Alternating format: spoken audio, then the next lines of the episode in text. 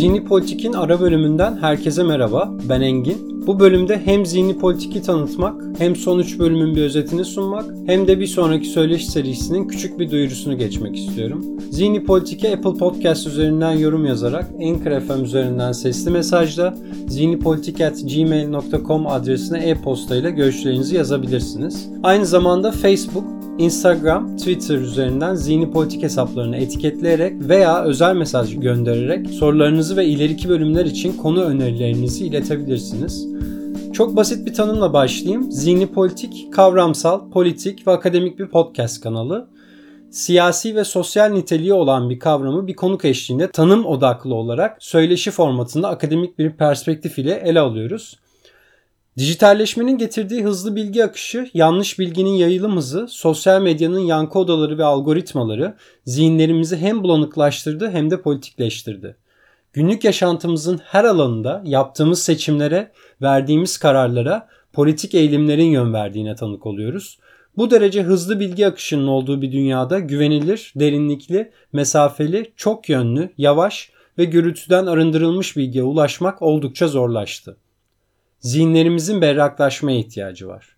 Zihni politik hem aşina olduğumuz siyasi kavramları, ideolojileri ve akımları hem de yepyeni adını duymadığımız kavramları tanıtan, tanımlar üzerine odaklanan, hızlı bilgi akışının gürültüsünden arındırılmış daha yavaş ve derinlikli bir bilgi akışını mümkün kılmayı hedefliyor.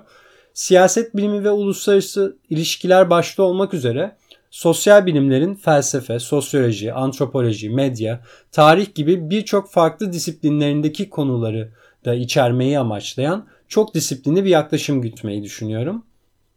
İlk 3 bölümlük söyleşi serimizde İstanbul Bilgi Üniversitesi Uluslararası İlişkiler Bölümü öğretim üyesi Emre Erdoğan'ı konuk ettim.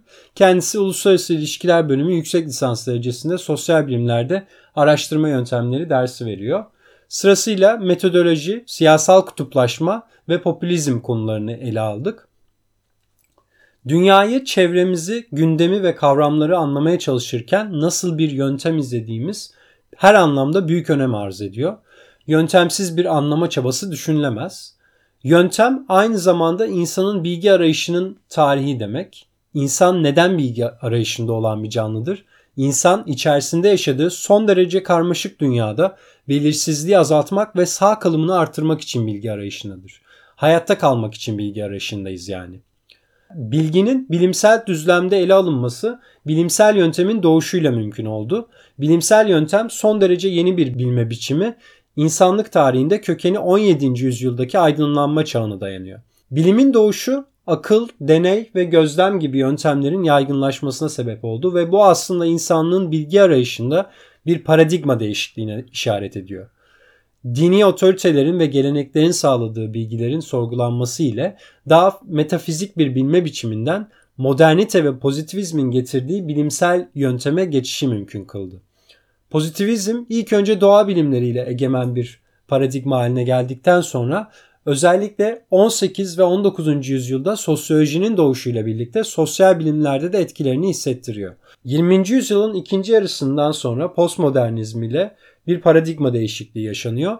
Bilimsel yöntemin temel prensipleri sorgulanıyor. Akıl, deney ve gözlemin yöntemsel sınırlılıklarına dikkat çekiliyor. Bu dünyayı anlamamıza yardımcı olan bilimsel yöntemin fazlasıyla batı merkezci bir perspektiften inşa edildiği eleştirileri yapılıyor. Postmodernizm meydan okuyan sorular soruyor. Dışarıda bir gerçek var mıdır? Gerçekler öznel midir? Yöntem bireyden bağımsız mıdır? Birey toplumdan bağımsız mıdır? Bunun gibi temel sor- soruları gündeme getirerek insanlığın bilme arayışında ideolojilerin, güç ilişkilerinin, kimliklerin ve sınıfların rollerini öne çıkarıyor.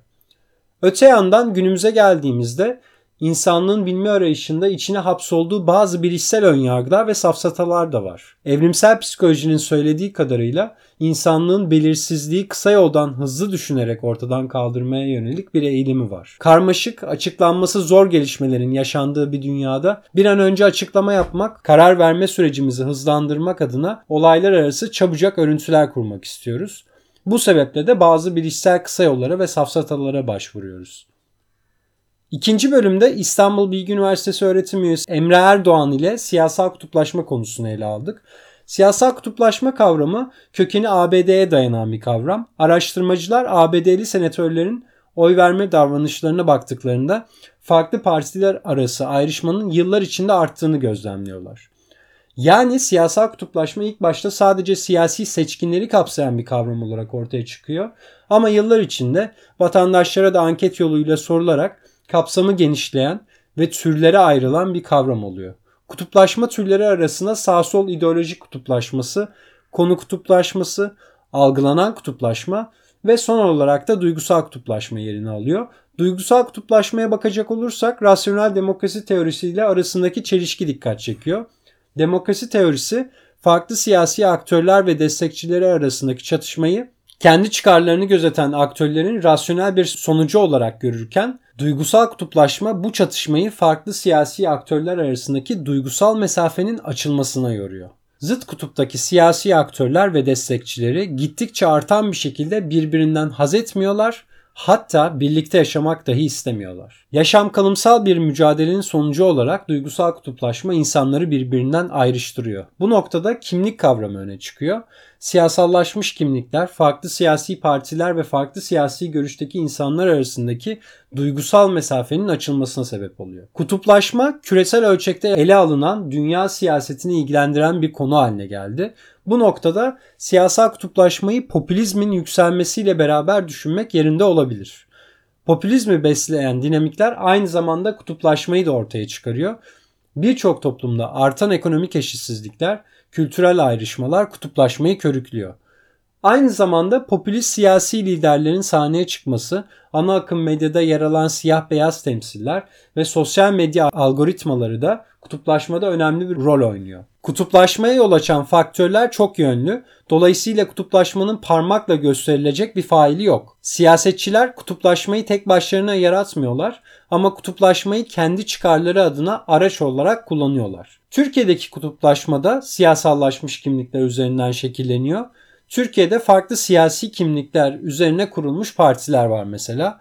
Seküler ve Atatürkçü bir parti olarak CHP, Kürtlük ve azınlık kimliğini simgeleyen HDP, Müslüman muhafazakar kimliği ön plana çıkaran AKP, Türk milliyetçiliğini vurgulayan bir MHP var. MHP'den ayrılmış İyi Parti ise MHP ile CHP arasındaki kimliksel kesişime karşılık geliyor. Türkiye'de siyasi sistemin değişmesi kutuplaşmanın boyutlarını dinamikleştiriyor, değişime zorluyor. Cumhurbaşkanlığı sisteminin gelmesiyle birlikte ortaya çıkan seçim ittifakları kutuplaşmanın boyutlarını değiştiriyor. Üçüncü bölümde siyasal kutuplaşma kavramıyla ilişkili olan popülizmi inceledik. Popülizm 2010'ların ortalarından itibaren özellikle Brexit ve Trump'ın seçilmesiyle beraber son derece esnek bir kavram haline geldi. İdeal siyaset tanımına uymayan bütün siyasi eğilimler popülizm adı altında toplandı ve popülizm bu açıdan ötekileştirici bir kavrama dönüştü bir yandan da. Popülizm tanımında herhangi bir fikir birliği yok. Popülizm ideolojik unsurları olmasına rağmen kendisine has özel bir ideoloji olarak tanımlayamıyoruz. Popülizme belirli ideolojik unsurlar barındıran söylem, tarz ve strateji olarak bakmak mümkün. Popülizm bir araç.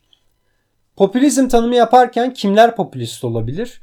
Liderler ve siyasi aktörler popülist olabilirken onları destekleyen seçmenlere yani bireylere doğrudan popülist diyemiyoruz.